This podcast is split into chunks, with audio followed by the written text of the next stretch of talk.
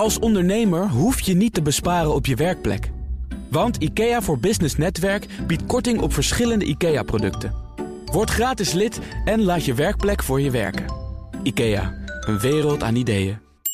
Even Harmen van der Veen is daar in Den Haag in de Fokker Terminal. Harmen, goedemiddag. Dag Thomas. Heb jij iets gehoord dat je nog niet wist? Uh, nee, want uh, het is ook nog niet begonnen. Oh. Het, is, uh, het was een, een inloopje. Toen kregen we allemaal een boterhammetje en een kop koffie. En nu, terwijl jij met mij praat, nu gaat het beginnen. Maar ik heb het rapport al wel gezien. En ik kan wel wat steekwoorden geven waaruit het rapport is opgebouwd. allereerst de titel. Um, in wat voor land willen wij werken? Dat is de, de vragende titel. En het kortst mogelijke antwoord zou kunnen zijn... in een land met zeker werk. Dat is waar deze commissie naartoe wil. Zeker werk. En dan gaat het om vier dingen: duidelijkheid, wendbaarheid, weerbaarheid en wederkerigheid. Allitereert ook heel fijn. Kan ook geen kwaad. En bij het eerste te beginnen, duidelijkheid. Dat is voor de werknemer. Wil je een vaste baan, dan moet je daar ook gewoon recht op kunnen krijgen. Wil je flex, dan moet dat natuurlijk ook kunnen. Maar het moet niet gedwongen flex, terwijl je eigenlijk vast zou willen. Dat is allereerst belangrijk voor de werknemer, duidelijkheid. Dan komt wendbaarheid voor de werkgever, ook heel belangrijk. En dat uitzicht bijvoorbeeld dat, oké, ja, jullie krijgen allemaal vaste baan. Maar dan krijg ik wel meer zeggenschap wat je doet, waar je doet, hoe lang je dat doet. Daar is wel wat kritiek op hier en daar. Derde is heel belangrijk, de weerbaarheid. Ik had het al genoemd. En dat gaat over bescherming van de werknemer tegen risico's tijdens de loopbaan. Door bijvoorbeeld veel meer te richten op begeleiding, scholing, ondersteuning. En dus alweer niet die dwang, die langzame dwang naar dat ZZP-leven. Wat heel veel mensen niet willen. En dan de laatste, en dat is eigenlijk ook wel de meest logische, de wederkerigheid. Die blijft bestaan. Heb je een baan, dan moet je ook gewoon handen uit de mouwen en presteren. Krijgt de commissie hier de handen voor op elkaar? Er is inmiddels al veel gereageerd vanuit de politiek, vanuit de vakbeweging, vanuit de werkgevers. Want dat geeft ja. natuurlijk ook aan: is dit een haalbaar advies? Nou, um, uh, zo breed als de samenleving is, zo uh, verscheiden en verschillend zijn de reacties. Het is maar aan wie je het vraagt. Um, het is een rigoureuze ingreep in, uh, ja, in, in, in de arbeidsmarkt. Dus ja, er komen verschillende reacties los. Maar over het algemeen is mijn indruk van werknemers, maar ook heel belangrijk, werkgevers. Hier kunnen we wat mee. Dit is echt een breuk met het verleden. Hier kunnen we wat mee. Kom maar op met die commissie. Laat maar zien. En uh, de ministers, uh, het kabinet gaat aan het werk. Maar het zou ook wel eens kunnen dat dit pas op het bordje komt van het nieuwe kabinet. Nou, en dat zal er weer heel anders uitzien. Maar het ziet ernaar uit dat die omslag op de arbeidsmarkt, ja, die is, die is onomkeerbaar. Kom jij ook maar op in de loop van de middag, want jij verzamelt de reacties en die gaan we dan hier horen op BNR. Succes, Harmen. Ik ga er ook over doorpraten met het Boardroom Panel, bestaande uit Gerard van Vliet, directeur bij de Nederlandse Vereniging van Commissarissen en Directeuren, Stefan Pij, directeur en oprichter van de Governance University, en Tanja Nagel, commissaris bij onder andere EY, PNO Consultants en OnCode. Welkom allen. Dank. Dank. Gerard, ik wil bij jou beginnen. Hoe kijk jij naar de rapporten die nu uh, gepresenteerd worden? Je had al de WRR vorige week en nu de commissie Borstlab. En wat mij voortdurend opvalt is dat het gespeend is van elke vorm van realiteit. Het lijkt alsof iemand weer vanuit de glazen kooi kijkt naar wat er allemaal plaatsvindt in het bedrijfsleven en denkt: oh, dat kan beter.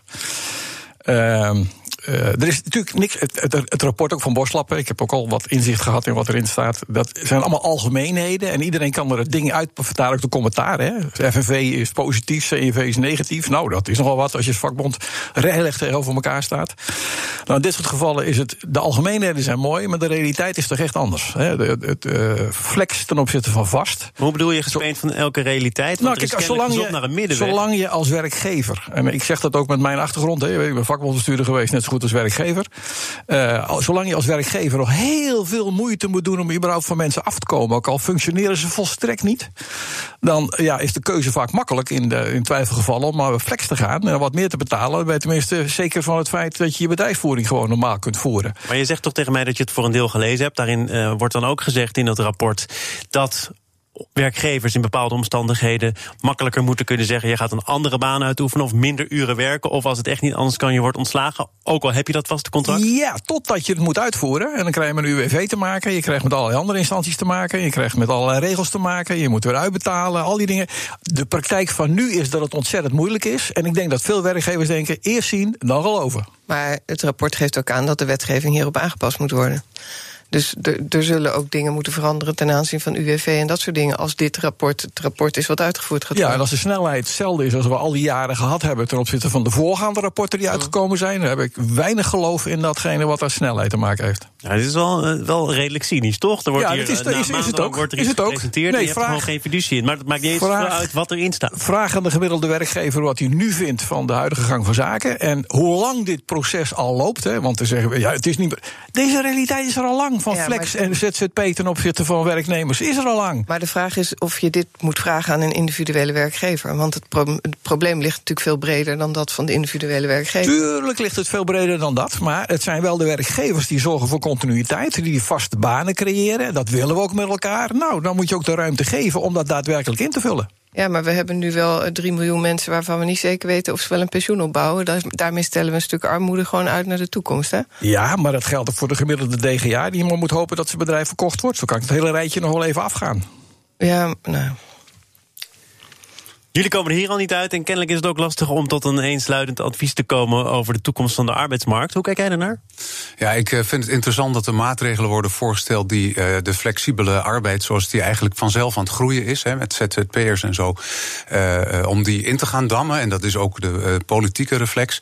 nou, hij groeit niet vanzelf, tenminste als je kijkt naar de denktanks die zeggen het is ook een fiscale keuze, een politieke keuze, om ervoor te zorgen dat heel veel mensen voor dit bestaan kiezen. Ja, nou daar zit wat in. Ik denk dat het rapport per saldo een goede uh, een stap in de goede richting is. Hè, want flexibiliteit van de arbeidsmarkt, uh, dat moeten we bereiken, linksom of rechtsom. Dus dit is in ieder geval iets om die kant op te gaan. Maar ik denk in plaats van flex moeten we oppassen voor de reflex. Want dat is natuurlijk om dat links reageert vanuit hartstikke goed dat er meer zekerheid komt voor werknemers. En rechts meer reageert vanuit, vanuit de werkgever. Dus als we in die reflexen schieten, gaan we hier dus geen stap mee nemen. En dat zou ik heel jammer vinden. Vind je dit een overwegend linkse rapport? Omdat er wordt gezegd uh, het vaste contract moet een norm worden. Al morrelen we dan wat aan dat vaste contract? Nee, nee, ik vind het wel interessant dat er eigenlijk uh, aan beide kanten wel recht wordt gedaan. Dus dat is wel knap. Dat is ook een uh, nieuwe tendens, dat ministers of commissies zeggen... nou, iedereen is ontevreden, dus we hebben ons werk gedaan, Gerard. Ja, het, het lijkt niet op een uh, reflex, maar meer op een reflux. Hè. Het komt weer omhoog op het moment dat het even dwars zit. Uh, dat gaan met dit soort dingen ook. Tuurlijk, dit zijn maatschappelijke discussies... die afhankelijk van de goed gaan op de economie, slecht gaan op de economie... elke keer weer terugkomen in een nieuw jasje. Afhankelijk ook van de politieke richting waaruit je kiest. Nou, hij komt nu terug op het moment dat het met de economie goed gaat... en de voorzitter van de ja, commissie zegt, het gaat maar, nu nog goed. Maar het, het is een soort varkensbenadering. Hè, van op het moment dat het goed gaat, dan investeren we in heel andere dingen die we eigenlijk nodig is dat het goed zou moeten gaan. Dus nogmaals, deze discussie zal ook wel lang duren. En de commissies zijn ook niet van deze tijd. Dus het, het gaat wel door. Of we nou echt een oplossing krijgen voor datgene wat echt relevant is, ik waag het te betwijfelen. Uh, de vraag is natuurlijk wel hoe het zich verhoudt inderdaad tot het advies van de Wetenschappelijke Raad voor het Regeringsbeleid. De nieuwe wetgeving die we eigenlijk net sinds 1 januari hebben. Uh, er moet dan natuurlijk wel een heleboel veranderen. Wil je dit dan weer uh, kunnen uitvoeren? En ik vrees dat de nieuwe verkiezingen hier ook geen goed aan zullen doen. Want moeten ze zich dan uitspreken voor dit rapport, of niet, of half? Of... Nou, kijk, kijk eens even naar het hele DBA-discussie. Hè? De, de, met, met alles wat de flex te maken heeft, met, met iedereen die inzetbaar zou moeten zijn op basis van het DBA. Het duurt, het duurt, het duurt, het duurt. En niemand doet eigenlijk datgene ja, wat nodig is. Terwijl het onzekerheid. Die bewust niet wordt gehandhaafd. Ja, ja, nou ja, als het zo lang. Er is maar een onderdeeltje van die hele grote opgave die ligt te wachten. En misschien moet er inderdaad een echte leider zijn die zegt. En nou hakken we knopen door, nou gaan we het zo doen. Voortaan gaat het zo gelden. Nou, dan moet je even afscheid nemen van het democratisch gehalte waar we elke keer weer in. Ja, maar als het van belang is dat je achterban op je stemt, dan wordt dat toch een beetje ingewikkeld, denk ik. Maar ingewikkeldheid vraagt altijd weer om een hele creatieve oplossing. En daarom nodigen we jullie zo af en toe uit. Ja, precies. En er zijn ook stemmen die klinken van miljonairs, van miljardairs. Ik wil met jullie naar de actualiteit, want uh, er is een brief verschenen. Niet geheel toevallig waarschijnlijk tijdens uh, het World Economic Forum in Davos. Van miljonairs en miljardairs die zeggen... het is belangrijk dat wij meer belasting gaan betalen... want we staan voor grote uitdagingen. En daar hoort ook bij dat er budget is om die uitdagingen te lijf te kunnen gaan. Kijk maar naar de klimaatverandering. Ook voor u, miljonair, miljardair, is het van belang dat dat kan. Dus betaal belasting. Paul Polman, zijn handtekening staat er onder andere onder. We hadden net contact erover met Wopke Hoekstra, de minister van Financiën, die in Davos is. Die zegt het is zeer terecht, en misschien ook wel opvallend, maar zeer terecht dat de allerrijksten meer belasting gaan betalen. Kun je dat volgen? Ja, Uh, ik kan het volgen. Ik moet eerst eerlijk zeggen, mijn eerste reactie toen ik het hoorde was: Look who's talking. Hè? Maar daar moest ik me even overheen zetten. En volgens keek ik eens goed naar het voorstel. Wat bedoel je dan? Nou ja, de mensen die uh, zo rijk zijn geworden, hebben natuurlijk ook heel veel uh, middelen gebruikt. Hè? om, ik zeg niet dat ze allemaal massaal een belastingontwijking hebben gedaan, maar hun, hun, bedrijven wel, waar ze rijk zijn geworden en dergelijke. Dus mijn eerste reactie was wel van: hoor eens wie het zegt. Maar daar ben ik snel overheen gestapt, omdat het wel heel erg goed is wat ze zeggen. Belastingen zijn natuurlijk super belangrijk uh, uh, voor. En daar maken al die bedrijven ook gebruik van. Van de infrastructuur, de opleidingen enzovoort, die daarmee gefinancierd worden door overheden. En dat betekent dat, ze ook, dat iedereen gewoon verantwoordelijkheid heeft om daar uh, flink aan bij te dragen. Nou, um, zei Hoekstra vanmorgen denk ik ook terecht, of eerder vanmiddag, dat wij in Nederland een redelijke vermogensbelasting en inkomstenbelasting hebben. Maar ik heb het even opgezocht. 0,1% van de rijksten in de USA betalen 3,2% vermogensbelasting. En de rest in de USA 7,2%. Ja. Dus dan ben je van de goede tierenheid van die allerrijkste afhankelijk of we daar wat aan hebben. Voor al die goede doelen die we. Dus ik begrijp wel dat daar een roep is om dat te verhogen. En het gekke is wel, als ze er zelf om vragen, lijkt me niet zo moeilijk dan. Je moet eens wel kijken naar wat, waar, je, waar het vandaan komt. Amerika is natuurlijk een heel andere cultuur. Die, die, die scheefgroei daar is vele malen groter dan wat we hier gewend zijn. maar de krijggroei uh, is dus ook heel groot, want je hoeft nou, niet zoveel belasting te betalen. Ik, ik, ik, heb ook moeite met een soort hypocrisie die erin zit. Dan denk ik tegen Polman van, joh, had je zelf dan niet zoveel laten uitbetalen? Hè? Je had er gewoon nee kunnen zeggen tegen het salaris. Ze kunnen zeggen van, doe mij een gewoon salaris, net als alle medewerkers. Maar je weet niet wat hij ermee gedaan heeft, hè? Nou ja, ook dat is dan weer de vraag. Hè. Heeft hij die gebruikt voor filantropische dingen? Heeft hij, heeft hij werkgelegenheid gecreëerd ergens of wat dingen? Het, het, is, het zegt wel wat over de onmogelijke positie waar mensen ingetrokken zijn. En wat, je hebt het over een heel klein percentage van mensen wat heel veel aandacht krijgt in dat verband. Alle andere ontduikingen die er zijn en alle andere constructies die er zijn, uh, die krijgen uh, minder of anders aandacht. Dit, ook dit is weer een moeilijke discussie. Hoe bedoel je dat? Want mij... ik heb het idee dat belastingen op dit moment zeker wel ter discussie staan als het gaat over vennootschapsbelasting, over een nou, Nederlandse trustkantoren, trustkantoren die heel veel geld verdienen aan het verzinnen van constructies. Ja, dat wordt, wordt goed aangepakt nu, hè? Wat zeg je? Dat wordt heel goed aangepakt. En, en, ja, maar ook dat, dan, dus dan, dat dan hebben we weer opnieuw heel veel adviseurs die nog weer nieuwe dingen verzinnen. Het gaat om de basis. Heb je de intentie op het moment dat je in zo'n positie zit, heb je de intentie om goed te doen? Wil je het geld herinvesteren in maatschappelijke zin? Wil je het goed uh, gebruiken, ja of nee? Of zeg je van nou, het maakt me eigenlijk niet uit, ik ben rijk geworden. Het zij door zetbaars te zijn en hoog salaris te vragen. Het zij door toevallig het geluk te hebben gehad om op de maar aandelen daar hebben we toch juist belastingen voor om te zorgen dat er een overheid is die dat op een goede manier kan verdelen.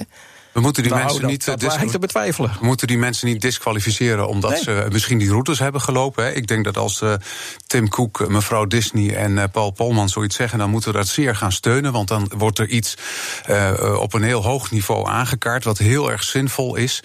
En vervolgens denk ik dat we goed moeten kijken naar de rol van Nederland. Want inderdaad, we hebben de belastingen best goed in Nederland. Alleen misschien zijn wij zelf wel het meest hypocriet. Want Nederland die loopt voorop als het gaat om constructie voor belastingontwijking. Dus daar zouden we toch nog eens een keer echt goed naar onszelf moeten kijken. Zaken doen. Het boardroom panel is te gast en uh, bestaat uit Gerard van Vliet, Steven Pij en Tanja Nagel. En we gaan het hebben over CEO's. Het staan voor een deel dus ook hun handtekeningen onder die brief. Ze hebben ook uh, duidelijk gemaakt wat zij verwachten van de wereldeconomie. Voor dit jaar, 2020, zou het slechtste jaar worden sinds de recessie van 2009. Blijkt uit een onderzoek van PwC. 1800 CEO's zijn uh, bevraagd, ondervraagd van de grootste bedrijven ter wereld. Gerard, omdat jij er zo goed in zit vandaag, ben je ook somber? Nou, ik, ik heb Wopke ook gehoord, hè, in jullie eerdere uh, voor, een, voor ene. Nou, die was nog wel gematigd positief. Die had zoiets van, nou, wij overleven dat wel met elkaar. Ik moet je eerlijk zeggen, ik geef niks meer voor statistieken... en niks meer voor modellen.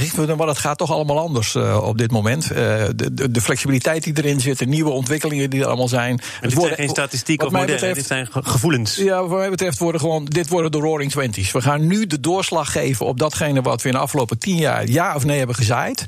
En dat moet er nu gaan uitkomen.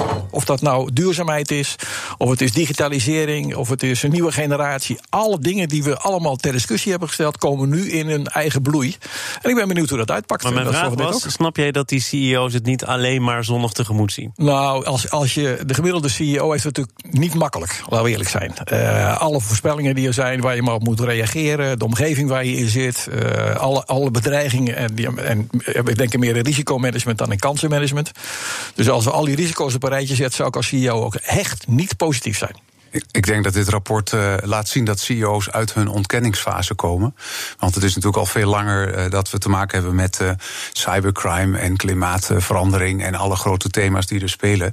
Alleen dat de consequenties aangaan van het erkennen van die problemen, die zijn heel groot. Want dat betekent wat voor je structuur in je bedrijf, dat betekent wat voor je cultuur in je bedrijf. En ik denk dat we, als we het even hier terugbrengen naar het gewone bedrijf, dat commissarissen hier een taak hebben om, dat, om de CEO's daarbij te helpen helpen om de realiteit gewoon on, uh, onder oog te gaan zien. Misschien doen ze dat al wel, dat het daar vandaan komt. Weet niet, Tanja, doen ze dat? Nou, ja, hangt een beetje van het bedrijf af, maar natuurlijk doen ze dat. En ik, ik denk dat ik dat met Stefan eens ben. En ik snap ook dat die CEO's dat lastig vinden. Uh, je ziet ook dat er staat ook in dat rapport dat er meer mensen de arbeidsmarkt verlaten dan er opkomen. Hè. Er wordt natuurlijk veel meer uh, digitaal ingezet. We hadden het vanmorgen al over wat dat doet met de cultuur in een bedrijf als je niet meer voor je bonus in je eentje kan rennen, maar afhankelijk bent van algoritmes van een ander. Dat maakt ook dat je natuurlijk anders met je cultuur om moet gaan. Dat vinden een heleboel mensen lastig. Je kan niet meer bouwen op wat je in het verleden hebt meegemaakt. Maar je moet openstaan en nieuwsgierig zijn naar de toekomst. Ja, dat is natuurlijk ook niet iedereen gegeven. Als je kijkt naar wat er dan bovenaan het lijstje staat, dan is dat uh, regulering, te veel regels. Nou, dat is volgens mij wel een uh, klassieker. Maar op 2 en 3 handelsconflicten en cyberaanvallen. Klimaat, als je kijkt naar wat dan de prioriteiten zijn van die CEO's, staat relatief laag. Dus ja, die ontkenningsfase duurt bij sommigen misschien toch nog voort. Ja, op sommige onderdelen is er nog steeds duidelijk sprake van een ontkenningsfase. En ik denk dat dus te maken heeft met de consequenties die het heeft. Hè, want dat betekent dus ook dat je aan de slag moet als, eh, als CEO om dat uh, in je bedrijf uh, aan te pakken. Waar ik nog wel op wil hameren is dat we in de meest recente governance code voor beursgenoteerde bedrijven het hebben over waardecreatie. En wat mij betreft zou dat nadrukkelijk. Zelfs lange termijn waardecreatie. Lange termijn waarde, ja. dank je wel, zeker. Uh, en wat mij betreft zouden we daar veel minder de nadruk moeten gaan leggen op economie, maar meer op mensen en milieu. En dan ga je ook doen wat erbij hoort. Uh, als je dit toch één keer aan het erkennen bent. Ik merk nadrukkelijk in, in commissariskring, zeker in de intervisiegroepen die ik zelf ook begeleid, dat we voor het hele SDG-verhaal, de Sustainable Development Goals, steeds meer aandacht krijgen. En mensen nieuwsgierig worden, gaan kijken. Nou, als dat ook al iets wat makkelijker is, digitale transformatie voor gemiddelde commissaris even een wat moeilijkere agenda. Maar ik zie het zeker bij de SDG als, en duurzaamheid nu echt ingevuld gaat worden. En dat, dat vind ik wel een hele positieve. Kan het, kan het ook samengaan? De WRR kwam dus met dat rapport, het betere werk. En een van de conclusies is: het is vooral belangrijk dat je hier fijn kunt werken. En of we dan een concurrerende economie zijn, of de meest concurrerende economie, dat komt toch op plek 2. Ja, het moeilijkheid is natuurlijk, zolang wij aandeelhouders hebben die op rendement zijn binnengehaald en die graag zien dat er heel veel verdiend wordt, uh, blijft er een contradictie bestaan tussen de purs, hè, het geld verdienen, en de purpose, het doel waarvoor je staat. En dat geldt dus ook vaak voor hè, hoe ga je met medewerkers om. We hebben het over engagement en over eigenaarschap en betrokkenheid en een andere generatie. Dat zijn allemaal dingen die in die Roaring Twenties nu een evenwicht moeten gaan zien te bereiken. Ja, jij gaat daar uh, nog ja, van maken, maar zo meen ik het echt. Ik, ik, zie echt. ik zie echt dat er heel veel dingen zijn heel, heel veel dingen zijn opgerakeld. En nu moet het waargemaakt gaan worden. Gaan we nu echt voor dat andere maatschappelijke doel? Gaan we nu echt voor andere bedrijven? Worden die, die command-control structuren nu echt afgebroken? Wordt het inderdaad gewoon chance and change? Hè? Gewoon kleine en doen? Ja, ik denk het wel hoor. Ja. Weet je, als je kijkt naar purpose, als je kan zorgen dat iedereen goed gemotiveerd aan het werk gaat. En je zou ook die mensen waar we nu allemaal die uitkeringen voor betalen, terwijl ze ook liever aan het werk zijn en ergens bij horen. Als je die productief kan maken, dan kan je ook zorgen dat het met je winst goed gaat. Het is gewoon start van het bewustzijn dat we verantwoordelijk zijn voor onze eigen bronnen. En dat we, daar, dat we die rustig in de kentgetallen mogen gaan meenemen. En dat geldt ook voor die belastingen. Kijk, dat is natuurlijk wel iets wat wereldwijd een rol moet vervullen. Het is niet alleen wij in ons kleine Nederlandje die dat doen. Er zijn natuurlijk een veel bredere benadering. Waarbij we weg koploper mogen zijn. Wat mij betreft als hoofdmotor. En in het woord purpose zit ook het woord, zit ook de letters van purse. Dus wat mij betreft kun je het ook met elkaar uh, verenigen. Maar je moet dat wel heel evenwichtig doen. En ik, ik ben, heel, nogmaals, ik ben heel benieuwd wat er uiteindelijk van komt. Hè. Leuk is erover te praten, wetenschappelijke rapporten te maken. Maar wat gaan we nou doen? Over verantwoordelijkheid gesproken. Ik wil tot slot nog kort met jullie praten over Boeing. Deze week is bekendgemaakt dat uh, dat, dat beruchte model pas na de zomer weer in gebruik wordt genomen. Ondertussen is er ook wat ophef over wisselingen in de boardroom. Er is een nieuwe topman aangesteld. De oude die vertrok, verdween van het toneel in december, kreeg nog wel veel geld mee. Het is geen buitenstaander, het is iemand die al tientallen jaren bij Boeing werkt. Tanja, je had het eh, in een ander gesprek vandaag over dat het soms toch verstandig is om wel een buitenstaander aan te trekken. In dit geval? Nou ja, hier is denk ik de geschiedenis en hoe het zover heeft kunnen komen wel erg relevant. Dus is het wel prettig om iemand te hebben die daar in elk geval, naar ik aanneem, ook bij betrokken is geweest. Als je kijkt naar de toekomst en wat wil je met Boeing bereiken, dan is wat er verder naar boven is gekomen en wat er misschien niet goed gegaan is in hoe mensen beïnvloed of juist op een verkeerde manier gestuurd zijn, wel gevaarlijk als je kijkt naar de cultuur binnen Boeing. Als mensen daar ook bang zijn dat ze zich niet uit kunnen spreken voor wat ze hebben geconstateerd, ja, dan moet je wel zeker weten dat de nieuwe CEO mensen wel de ruimte laat om zich daarover uit te spreken. Ja, ja dat, ik, ik, las ook een interview een tijdje terug in de Volkskrant van een man die heel lang bij Boeing had gewerkt. En die toen zei: Ik laat mijn kinderen echt niet meer instappen in dit vliegtuig. Heb ik meerdere keren ook aan de leiding doorgegeven. En er werd niks mee gedaan, dus heeft hij ontslag genomen. Nou, dat is wel uh, heel duidelijk. Ik, uh, kijk, het kernwoord heb je dan aangestipt en dat is veiligheid. Uh, Boeing zou duidelijk, duidelijker vanuit de veiligheid hebben moeten communiceren. En, en ook de drijfveer is niet geweest, alle stakeholders. de drijfveer is geweest het beperken van juridische risico's, het beperken van mogelijke koersterugval, damage control. Daarmee lijkt het ook heel erg op het verhaal van Volkswagen en zo. Vanuit de beschermende gedachte en niet vanuit de gedachte laten we onze stakeholders stakeholders nou uh, uh, centraal stellen bij de communicatie. Dat gebeurt ja, Je hebt het hier overigens wel over een icoon van de Amerikaanse industrie. Hè? Ja. Die politiek, ook defensiegewijs, maar politiek op allerlei mogelijke manieren verweven is. Ik ben heel benieuwd hoe, de, hoe uiteindelijk Amerika er zelf mee omgaat. Hè? Want ze kunnen het eigenlijk niet laten vallen. Want ja, net als wij Airbus hebben, als is een beetje hè, onze, ons rijkdom, uh, hebben zij Boeing. Nou, ik ben heel benieuwd hoe dat gaat. En uh, ik denk dat ze uh, er wel weer doorheen willen gaan. Hè? Want het is natuurlijk makkelijk om op zoveel mensen wel te ontslaan als symbool. En dan gewoon lekker door te gaan met hier en daar wat subsidie. Want één opdracht van van de NASA en ze kunnen weer de hele tijd door en dan zijn ze weer gered. En dan lijkt het geen subsidie, maar ze zijn toch gered. En ze gaan het ook wel redden, net als Volkswagen. Ik bedoel, zoveel keuze hebben we niet. Volkswagen is volgens mij helemaal niet zo afgestraft door nee, aandeelhouders. Dus- Integendeel zelfs. Ja, Volkswagen heeft aangetoond dat liegen loont. En stel dat jullie de nieuwe CEO zouden zijn van Boeing, wat is het eerste wat je doet? Nou, net wat ik zeg, in symboolpolitiek. Je gaat, tuurlijk ga je uh, bezuinigen, tuurlijk ga je uh, nieuwe maatregelen nemen. En tegelijkertijd zorg je ervoor dat je op politiek niveau alle steun krijgt die nodig is om continuïteit te verzekeren. Ja. Dank voor die laatste woorden. Fijn dat jullie er waren. Gerard van Vliet, Steven Pij en mijn zakenpartner Tanja Nagel. Voor de afgelopen twee uur. Morgen dan is Pieter van den Berg te gast van Van den Berg Boomkwekerijen. Een van de grootste spelers van Europa. En zij wrijven zich in hun handen nu Frans Timmermans 2 miljard extra bomen in Europa wil planten. Gaat hij denk ik niet helemaal zelf doen. We gaan het er morgen wel uitgebreid over hebben in BNR Zaken doen. Zometeen eerst Nieuwsroom, de dagelijkse podcast van het FD en BNR. Gepresenteerd door Mark Beekhuis. Veel plezier. Tot morgen. Het inrichten van je eigen zaak is best wel wat werk. Daarom biedt IKEA voor Business Netwerk 50% korting op interieuradvies. Word gratis lid en laat je werkplek voor je werken. IKEA, een wereld aan ideeën.